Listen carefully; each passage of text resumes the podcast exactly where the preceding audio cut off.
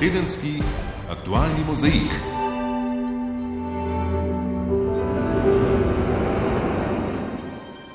Spoštovani poslušalci, cenjene poslušalke, pozdravljeni.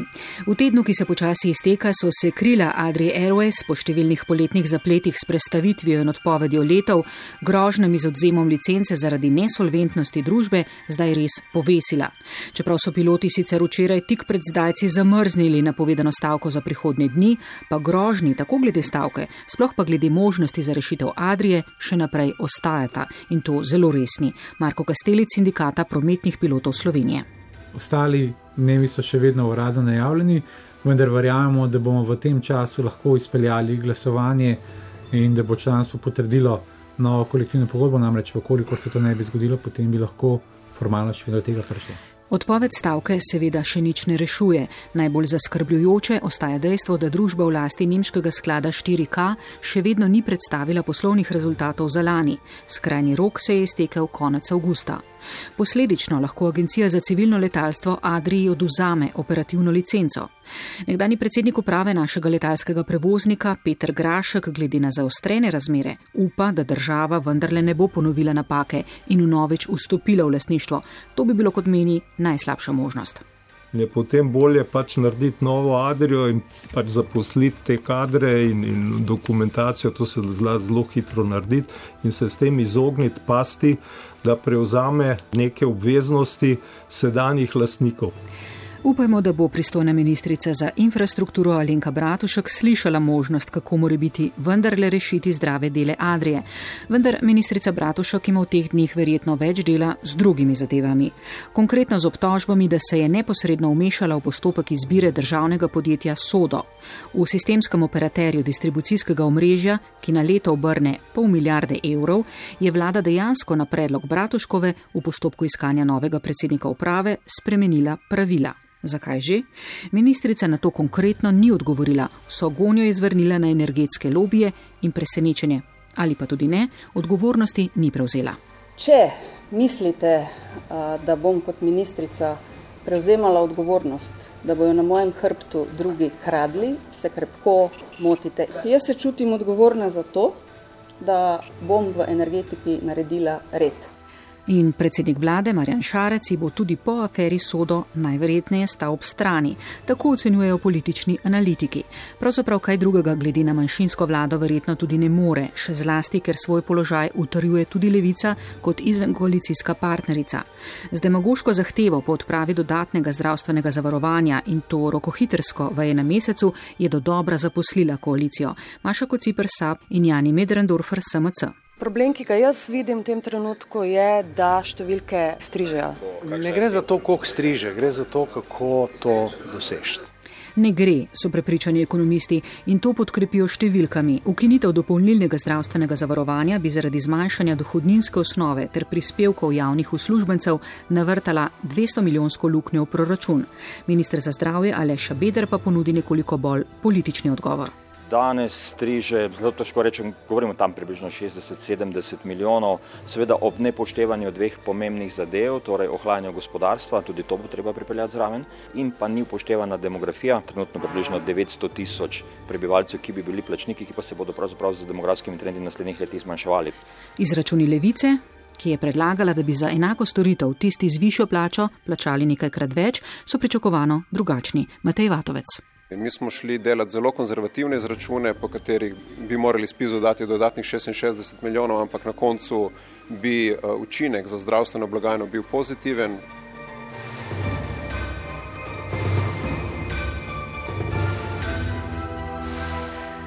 Da gredo določene zadeve pri upravljanju državnega denarja vendarle v pravo smer, pa smo ta teden zaznali dvakrat.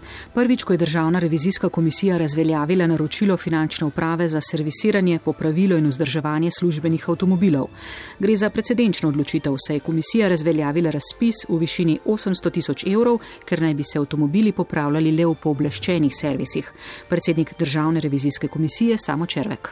Gre za prvo takšno odločitev, tako reče nekako precedenčno odločitev in uh, menimo, da je koristna za celotno Slovenijo, za, za javna sredstva.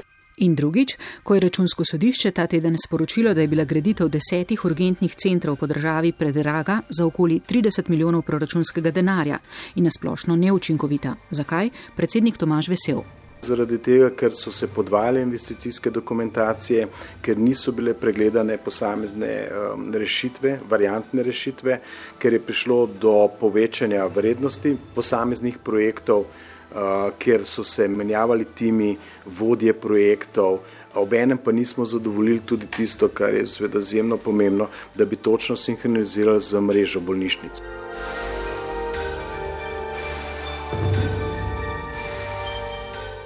In če še malce ostanemo pri učinkoviti porabi oziroma nadzoru nad davkoplačevalskim denarjem, tudi teden dni potem, ko je sodišče trem podjetjem v lasti družine Jankovič odpisalo okoli 29 milijonov evrov dolga, se strasti okoli potrjene poenostavljene prisilne poravnave še niso pomirile.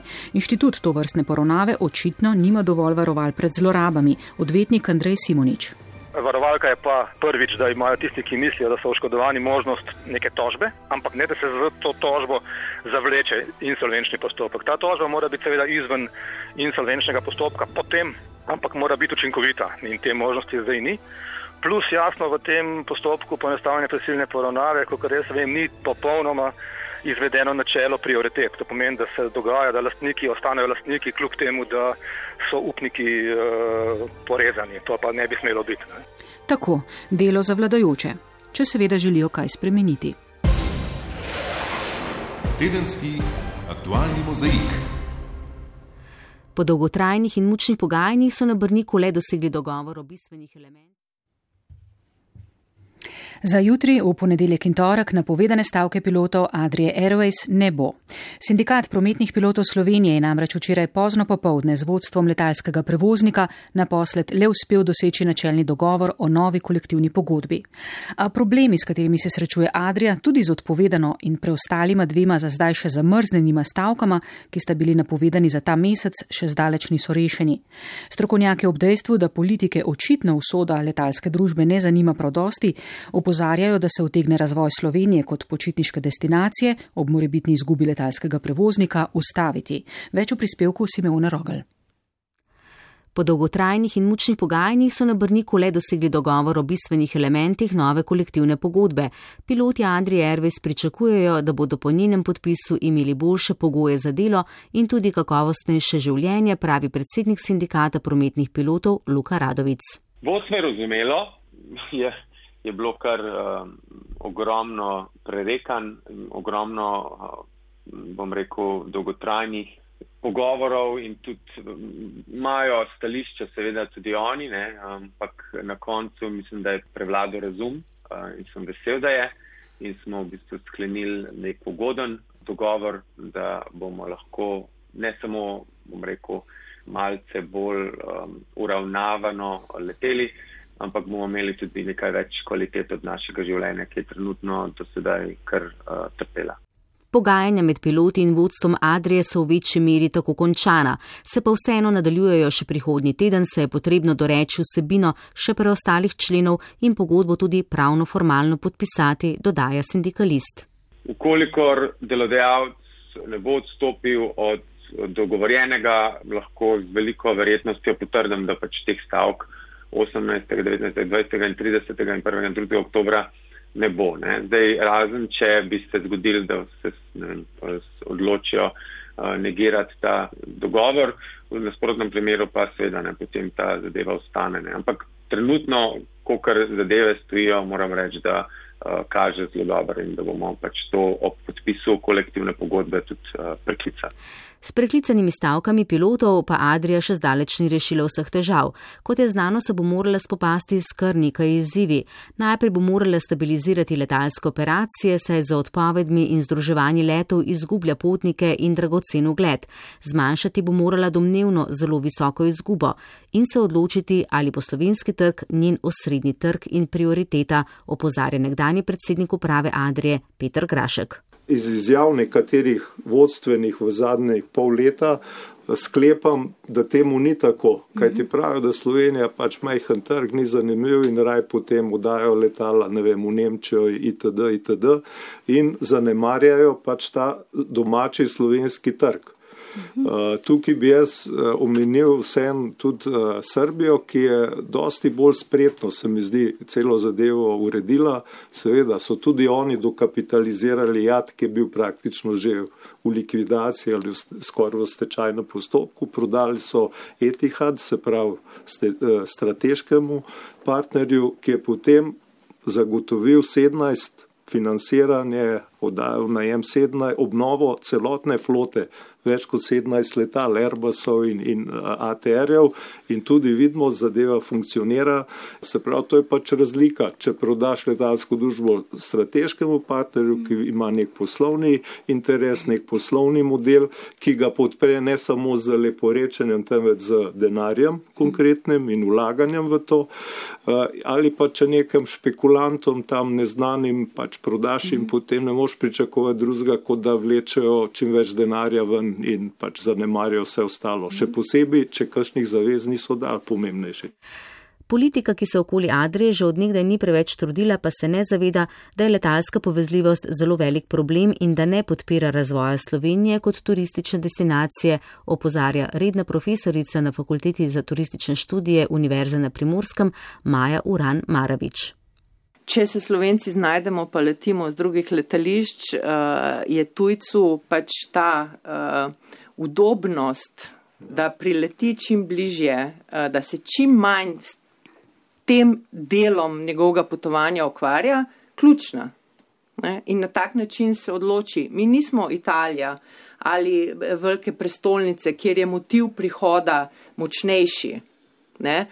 Če recimo en recimo poslovnež leti na konferenco uh, v Slovenijo, kjer zraven se ne mora pohvaliti, da je ne vem, kje atrakcije si pogledal in tako naprej, bo šel, če mu bo to udobno uh, poceni dovolj in tako naprej. Ne, pač, ne vem, v, v neko metropolo se bo odločil enostavneje iti. Ne. Pravi, motiv prihoda Slove, v Slovenijo ni tako močen kot v neke razvitejše destinacije turistične uh, z daljšo tradicijo.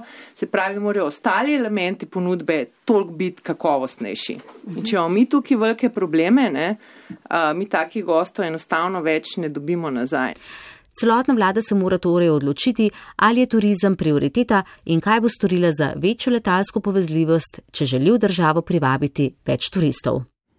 Državni sistemski operater distribucijskega omrežja z električno energijo Sodo, ki ga vodi direktor Matjaž Vodušek, je avgusta na hitro objavil razpis za novega direktorja. Poleg Voduška se je prijavil še en kandidat. Na to pa je sredi razpisa vlada na predlog ministrice za infrastrukturo Alenke Bratušek spremenila ustanovni akt družbe tako, da mora soglasje k imenovanju direktorja dati minister oziroma vlada. Doslej je namreč zadostovala potrditev strani nadzornega sveta. Očitno je nekdo presodil, da vodušek ne more več voditi podjetja Sodo, očitane so mu nepravilnosti, kar sam zavrača in pravi, da po noči mirno spi. Pa mirno spi tudi ministrica Alenka Bratušek, premijer Marjan Šarec je namreč včeraj ni dokončno ubranil. Maja Derčar. Nadzorni svet družbe Sodo je avgusta pohitev z razpisom za novega direktorja, osem mesecev pred iztekom mandata zdajšnjega direktorja Matjaža Voduška. In 14. avgusta v času poteka razpisa je ministrica Alenka Bratušek na dopisni seji vlade dosegla spremembo ustanovnega akta družbe Sodo tako, da mora vlada oziroma pristojni minister dati soglasje k imenovanju direktorja. Informacija je šele zdaj ugledala luč sveta in zvrstila so se vprašanja.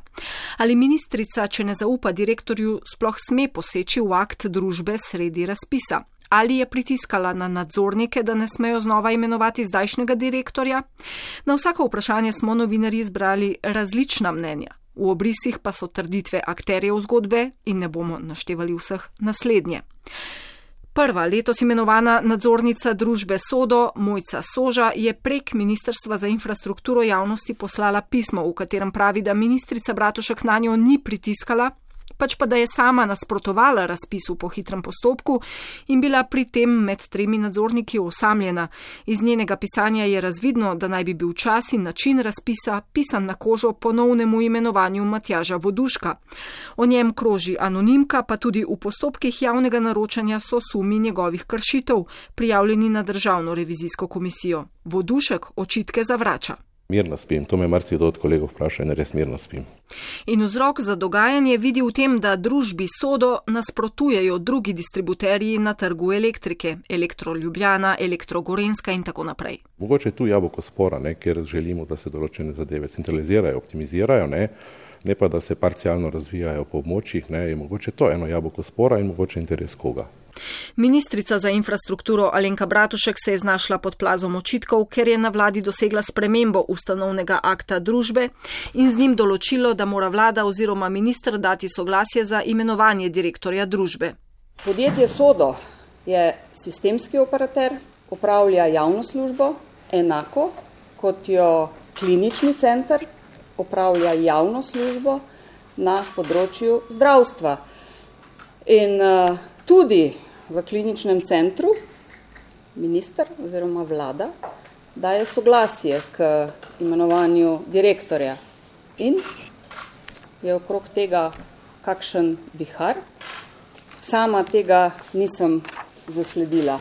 Meni se zdi prav, da minister za zdravje ima pravico povedati, ali bo lahko s človekom, ki upravlja našo največjo bolnišnico, sodeloval ali ne. In enako prav se mi zdi, da minister oziroma ministrica za infrastrukturo pove, ali bo lahko sodelovala z uh, direktorjem podjetja, ki upravlja javno službo na področju uh, energetike. Ministrica je včeraj omenjala energetski lobby, ribarjenje v kalnem in odločenost, da bo sekala lovke. Ali je med potekom razpisa za novega direktorja družbe Sodo Alenka Bratušek s tem, ko je preprečila hiter izid razpisa in posegla v akt družbe, čeprav je uradno to storila vlada, ravnala prav ali ne? Premijer Šarec je bil v prvih včerajšnjih odzivih previden. Ne vem, ker nimam vseh podatkov. Vem samo za odgovor predsednice nadzornega sveta. Vem za tisto, kar mi je na hitro povedala ministrica, zdaj si bom seveda tudi ogledal še tiskovno konferenco eh, in potem se bo pokazalo, kaj je na stvari. Tukaj imamo spet nasprotujoča si mnenja. Razsežnosti zgodbe v tem tednu gotovo nismo razvozlali. Sodo je bil ustanovljen 2007 v času Janševe vlade, skrbi za vzdrževanje električnega distribucijskega omrežja in za uvajanje novosti v njem. Ostalih pet distributerjev, elektrocelje Gorenska, Ljubljana in tako naprej, se pritožuje nad njegovim delovanjem, da je njegova vloga nejasna, da nastopa tam, kjer bi morali ostali distributerji in bi ga zato morali ukiniti. Zato je to obenem zgodba, ki kaže na velika nasprotovanja med vejami energetike. Ministričino dejanje pa bo pod drobnogled očitno vzel premijer. Šarec. Ukinitev dopolnilnega zdravstvenega zavarovanja in njegov prenos na obvezno že 16 let zaposluje politiko. Vsekakor vsakokrat se pokaže, da gre za velik finančni zalogaj, ki bi najbolj udaril že zdaj najbolj davčno obremenjeno prebivalstvo. In tudi v tokratnem poskusu levice ni nič drugače. Prvi sestanek koalicijske peterice in levice o predlogu zakona o ukinitvi dopolnilnega zavarovanja in njegovem prenosu na obvezno je namreč prinesel le spoznanje, da izračuni Ministrstva za zdravje in levice kažejo precej različne finančne učinke ukrepa. Podrobneje Nataša Mulec.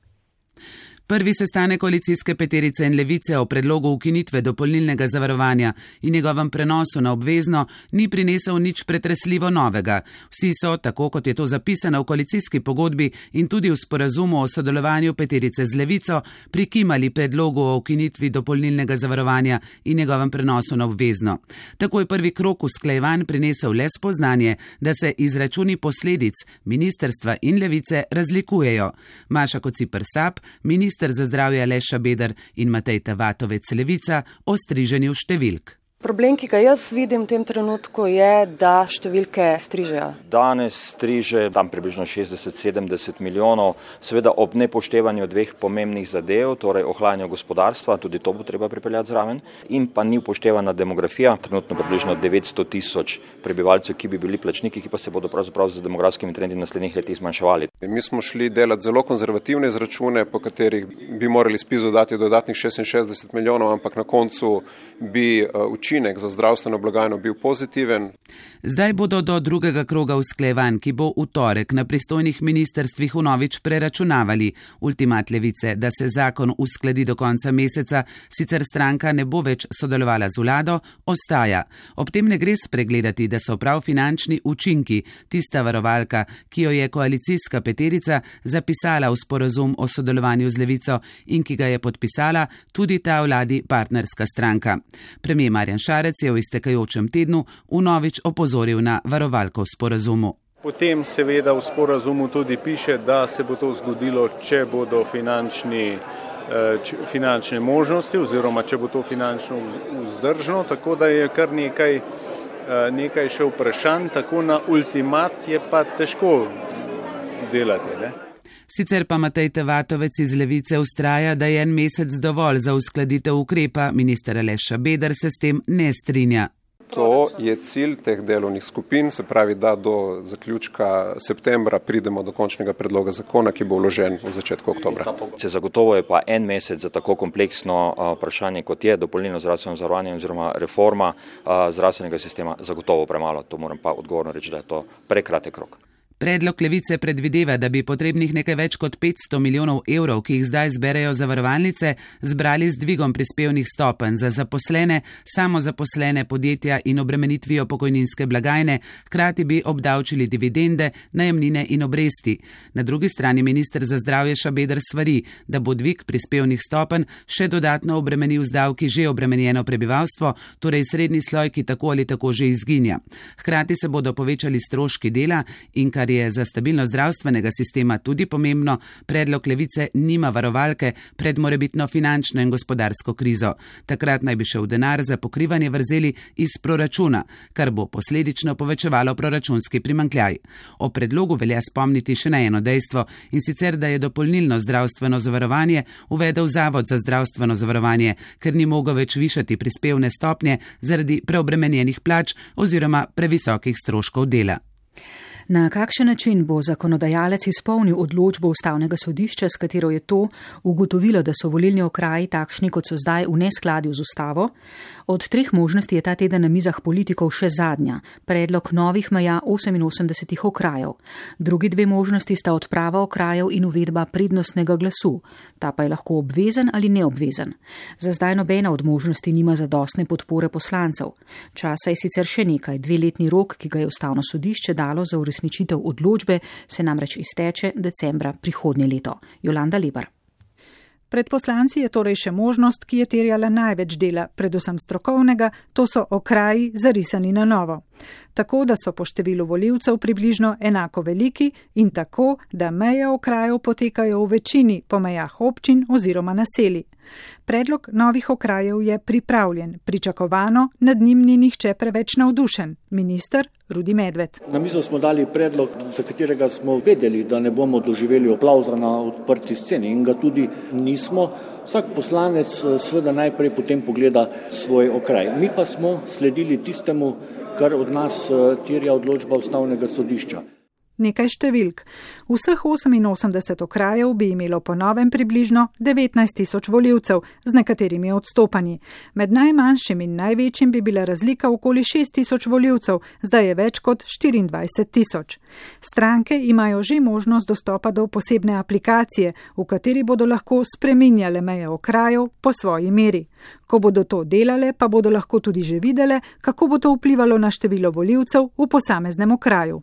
Tisto, kar eh, je pa velik problem pri tem, pa je, da nihče ne ve, če bomo še spreminjali zdaj ta predlog eh, drastično in se bodo te razlike v velikosti posameznih volivnih okrajev spet bistveno povečale, dokje lahko gremo, da bo to še sprejemljivo, če predlog pristane zopet na ustavnem sodišču. Tega pa ne more nihče vedeti, ker tudi ustavno sodišče ni povedalo, uh, ali naj bo ta toleranca 10, 15, 20 odstotkov. Ne vemo. A dejstvo je, da bodo okraji zdaj intenzivno zaposlovali poslance, čeprav je naprimer Matjaš Han SD ocenil, da je predlog dobra podlaga za nadaljne delo.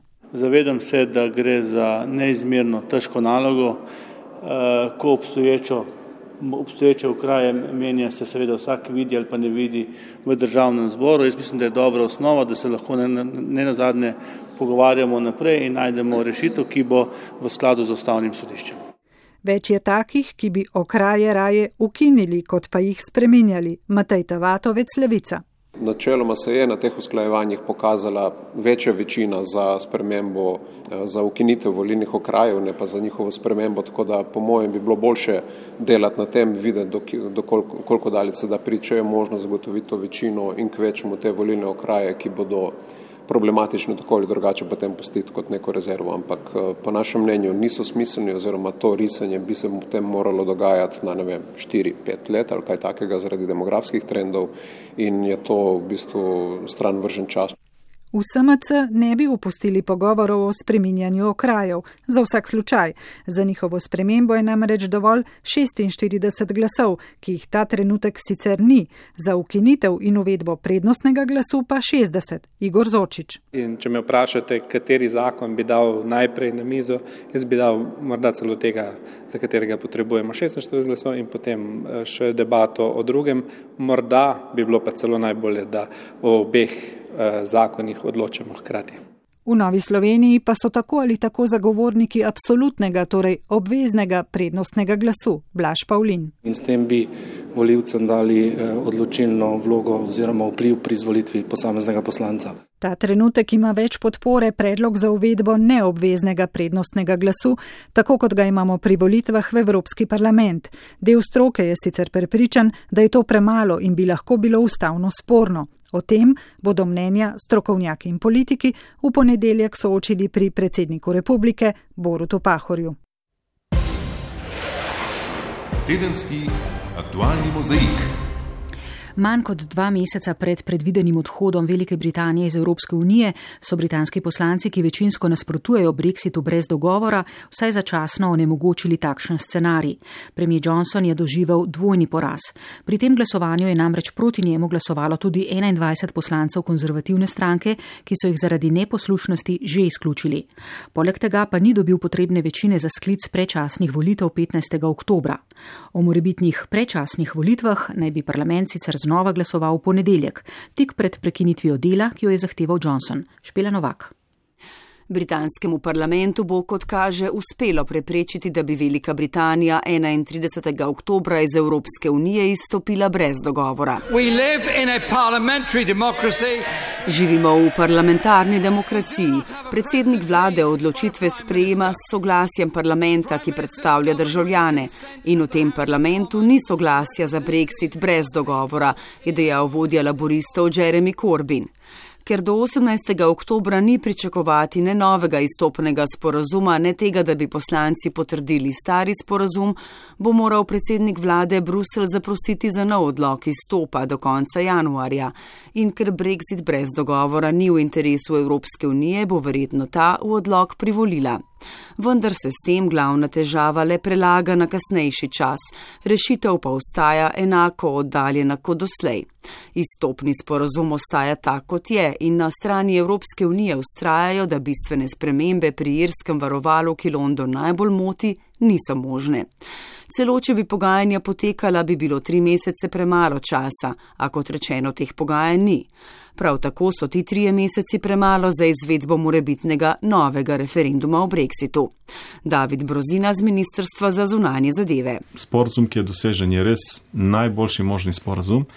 In pravzaprav uvaja nekaj, kar je edino smiselno. Postopen izstop Velike Britanije iz, iz Evropske unije. Najprej fizičen oziroma izstop iz članstva, vendar ostane v carinski uniji. Pol kasneje bi lahko izstopili iz carinske unije, vendar bi ostali recimo še del mi temu rečemo, pravnega sistema oziroma regulatornega sodelovanja z Evropsko unijo. In tako kot se postopoma integriramo v EU, je smiselno tudi postopno iti ven, ne pa te šok eh, terapije, kot jih Johnson napoveduje. To je eno ogromno tveganje, ki mislim, da se ga britansko gospodarstvo vedno bolj zaveda in daje seveda vedno večji glas eh, v ta namen. Poslanci v britanskem parlamentu bodo v ponedeljek znova glasovali o predčasnih volitvah. Te je po sprejetem zakonu, ki vsaj za zdaj onemogoča Brexit brez dogovora, zahteval premijer Boris Johnson, saj da morajo zdaj voljivci odločiti, kdo bo državo zastopal na vrhu Unije 17. oktobra. Vsi vemo, da če nas bo zastopal vodja laboristov Jeremy Corbyn, bo tam moledoval za novo podaljšanje roka. Sprejel bo vse, kar bo zahteval Bruselj, Brexit pa se bo zavlekel za več let, je povdaril Johnson. Laboristi želijo pred sklicem volitev najprej zanesljivo preprečiti, da bi se konec oktobra zgodil isto brez dogovora, a tudi po tem datumu bi bile posledice volitev zelo nepredvidljive. Čeprav Johnson s svojo trdovratno politiko izgublja bolj zdravorazumske konzervativce, ki nasprotujejo brexitu brez dogovora, pa to še ne pomeni, da ta smer izgublja podporo javnosti. Ne smemo pozabiti niti na Nigela Faraža. Nov sklic parlamenta bi torej lahko izglasoval tudi tako imenovani trdi brexit, čemur se sedajni sklic upira. Peter Verovšek z Univerze v Sheffieldu je v studiu ob 17. izpostavil, da sta v ozadju razprav o brexitu dva nasprotna ekonomska modela. Ne, desnica nekako zagovarja ta model Velike Britanije kot nekakšen Singapur ob evropski meji. Um, levica, predvsem Jeremy Corbyn, pa nekako zastopa tak, tako stališče, da tukaj se pol ponuja možnost za socializem v eni državi.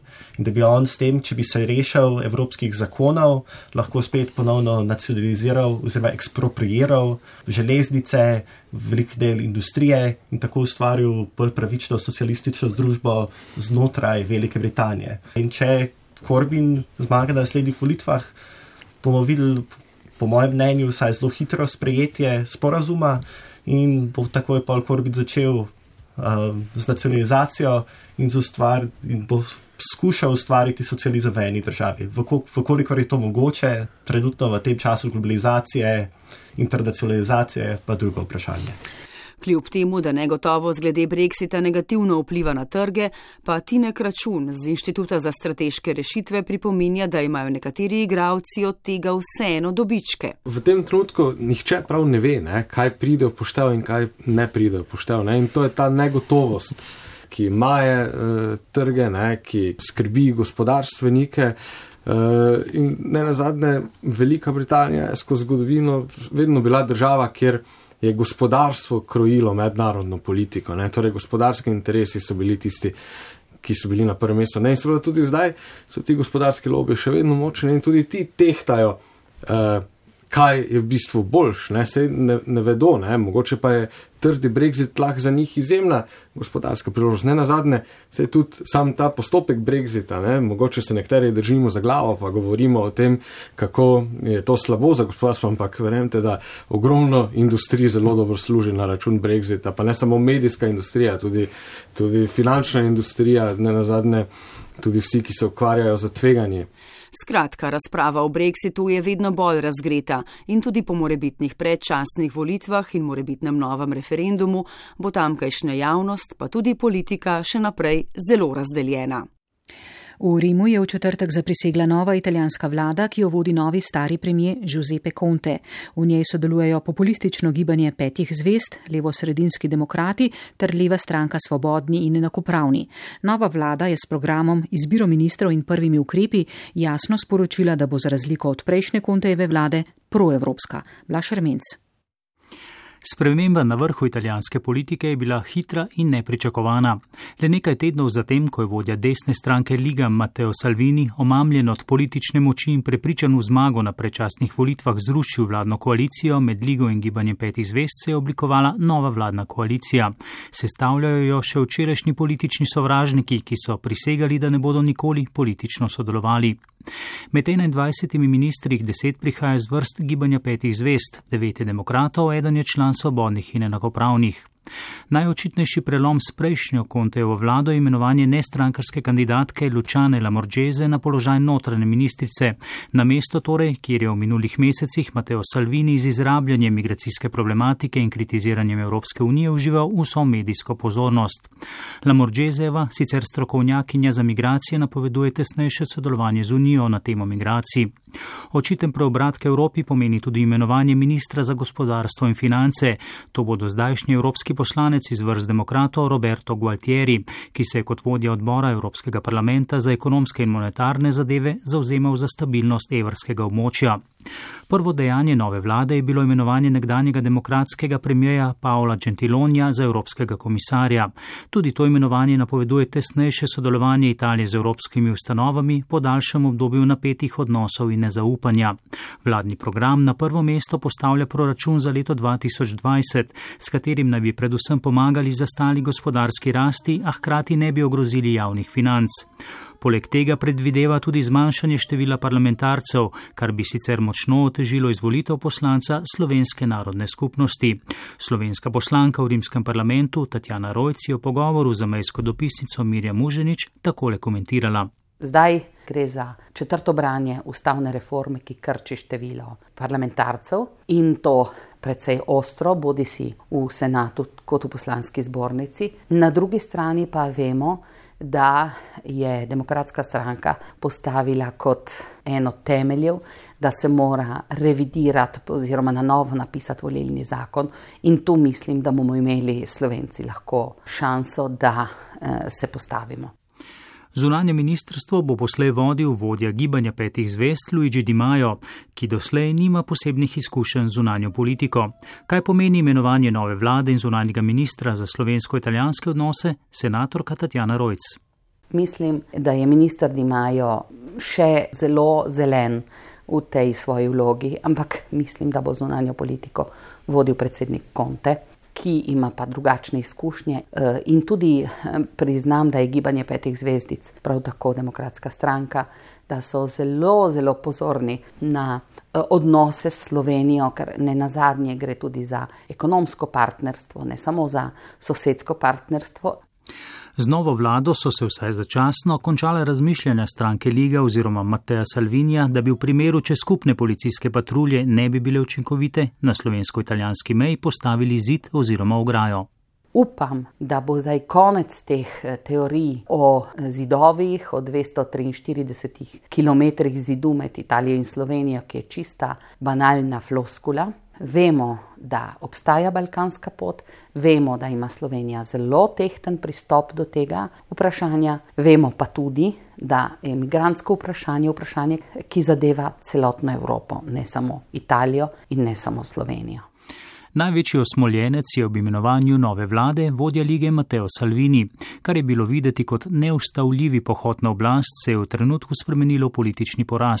Salvini zdaj v opoziciji napada novo vlado in napoveduje povratek ministro dell'economia eh, che arriva direttamente da Bruxelles. Ministr za ekonomijo prihaja naravnost iz Bruslja v pravem pomenu besede, saj je evropski poslanec demokratov. Ljubijo ga močne sile v Bruslju, oblasti v Parizu in Berlinu in takšna oseba je zdaj ministr za ekonomijo v Italiji. Upravičeno ne, se je prek družabnih omrežij norčeval Salvini. In prav strah pred vodjo lige je največje lepilo nove vladne koalicije med gibanjem petih zvest in demokrati. Če jim ne uspe vladni projekt, bodo tlakovali pot prečasnim volitvam in novi desni protievropski Salvinijevi vladi. Letošnji, tokrat že 14. strateški forum Bled, ki ga v mladiki radi poimenujejo paradni kon slovenske zonanje politike, je pod streho. Čeprav se tokrat ne more pohvaliti z ravno visokimi političnimi gosti, pa je na drugi strani postregel z močno vsebino oziroma široko palito razprav o aktualnih in perečih mednarodnih izzivih. Sandra Brankovič. Strateški forum je od svoje ustanovitve močno zrasel. Organizatori se zelo trudijo in vsako leto pritegnajo vse več raznolikih in zanimivih gostov, od politikov, strokovnjakov, gospodarstvenikov in akademikov. Število udeležencev se je v minulih sedmih letih približno potrojilo, okroglih mis pa podvojilo. V dveh dneh smo na več lokacijah spremljali približno 40 razprav in spremljevalnih dogodkov, sklenjenih v treh sklopih: političnem forumu, poslovnem in mladem forumu. Izjemno širok nabor tem več kot 1400 udeležencev. Bled je pokal po šivih, tako zaradi prometnih zamaškov kot preseženih zmogljivosti, ki jih ponuja biser slovenskega turizma. V želji organizatorjev po širokem naboru razpravljavcev pa je bilo na trenutke morda teh preveč, saj je vsebinska razprava ob časovni omejitvi zastala le korak pred bolj poglobljenim pogledom problematike. Tokrat so v spredje razprav postavili teme, ki jih želi Slovenija na vrhu prioritet tudi med predsedovanjem svetu Evropske unije leta 2021 in sicer vprašanja trajnostnega razvoja, virov in multilateralizma. Trajnostni razvoj je po besedah premijeja Marjana Šarca tesno povezan z varnostjo. Ena od slovenskih prioritet predsedovanja bo varna Evropska unija kot garant dobrega partnerja v regiji in svetu. V boju proti podnebnimi spremembami je ključno upravljanje, smo slišali. Ameriški ekonomist, direktor Centra za trajnostni razvoj na Univerzi Kolumbija Jeffrey Sachs. Europe does not yet have a plan for decarbonizing. Evropa načrta, kako bo dosegla oglično neutralnost, če nima. Ta načrt pa je prav tako nujen kot zakonodaja. Zaveze so sprejete, pa je dovolj tudi politične volje za njihovo uresničevanje. V času, ko potrebujemo globalno in enotno ukrepanje na številnih področjih, kot so migracije, boj proti revščini in terorizmu, pa multilateralizem ne deluje. Protekcionizem in geopolitika sta vedno obstajala, tudi hkrati potrebujemo tudi več multilateralizma. Na tem temeli Evropska unija, je podaril politični direktor Evropske zunanje službe Jean-Christophe Belliard.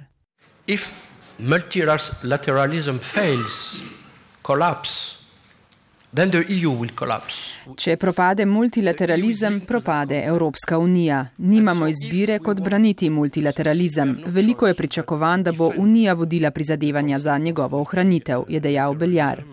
Forum se je končal s pozivom k nadaljni širitvi unije na države Zahodnega Balkana, kjer se že nekaj časa dogaja destabilizacija, a se v Bruslju po oceni Slovenije premalo zavedajo resnosti posledic, naša država pa bo varnostni potres na svojem pragu še kako občutila. Zunani ministri držav nekdanje Jugoslavije se Blejskega foruma redno udeležujejo, tokratni pa je glasno odražal mok v odnosih med Slovenijo in sosedo Hrvaško. Do zadnjega je v zraku visela udeležba novega hrvaškega zunanjega ministra, ki je drugi dan vendarle prispel za nekaj ur. V primerjavi s forumom pred dvema letoma, na katerem je slovenski politični vrh morda nespametno ugrabil strateški forum ter silovito politično in medijsko pritisnil na Zagreb zaradi nepriznavanja arbitražne odločbe in nespoštovanja evropske zakonodaje, pa je ta tema čez noč izginila iz agende. Hrvaški minister Gordan Grlič Radman, ki se z gostiteljem Mirom Cerarjem ni niti videl, je bil vidno v zadregi. To bomo videli. Ne? To se, uh, znate, uh, vete, kad imam, imam uh, zelo dela. Na novinarsko vprašanje, ali si želi uradnega srečanja s Cerarjem, je dejal: Bomo videli, kot minister imam veliko dela, vendar smo tukaj, ne?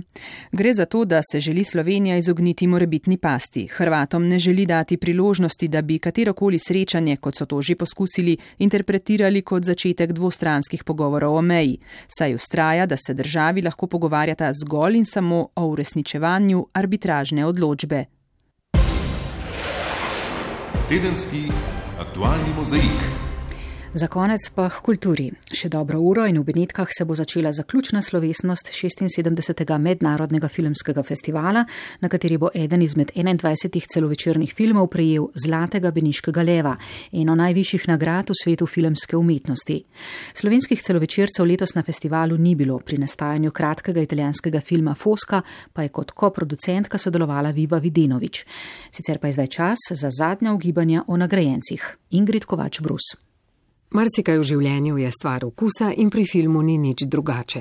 Kaj bo najbolj prepričalo argentinsko režiserko Lukrecijo Martel, ki letos predseduje Beneški žiriji?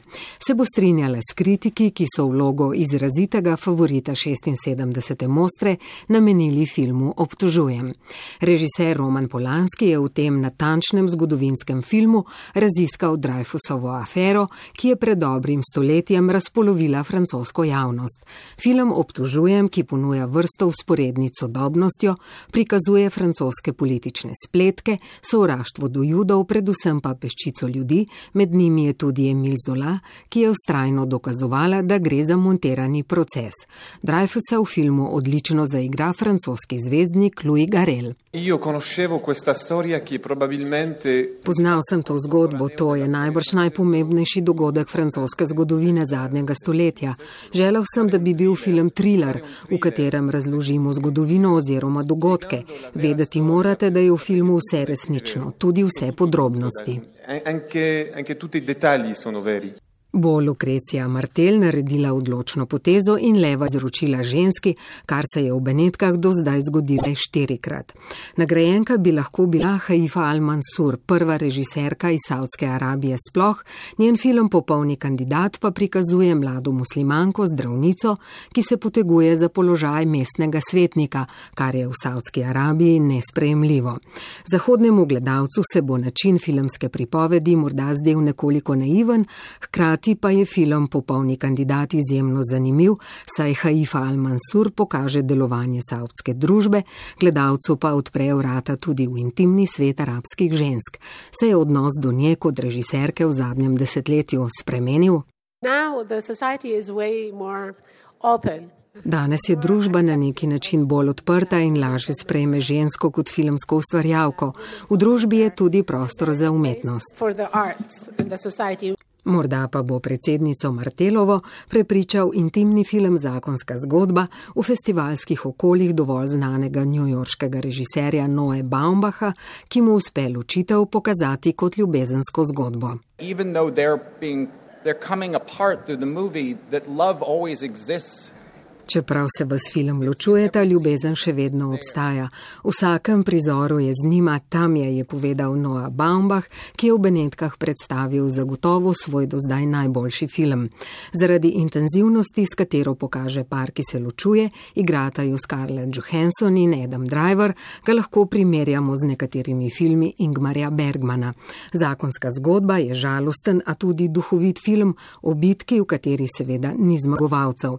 Ne pozabimo, Pomemben pa je nastop Lore Dern v vlogi nepremagljive odvetnice za ločitve, ki v nekaj minutnem monologu razloži, kako se ta hip nagiba tehtnica v večnem boju med spoloma.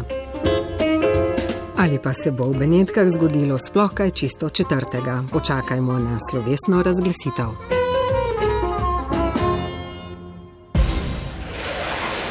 Tedenski aktualni mozaik.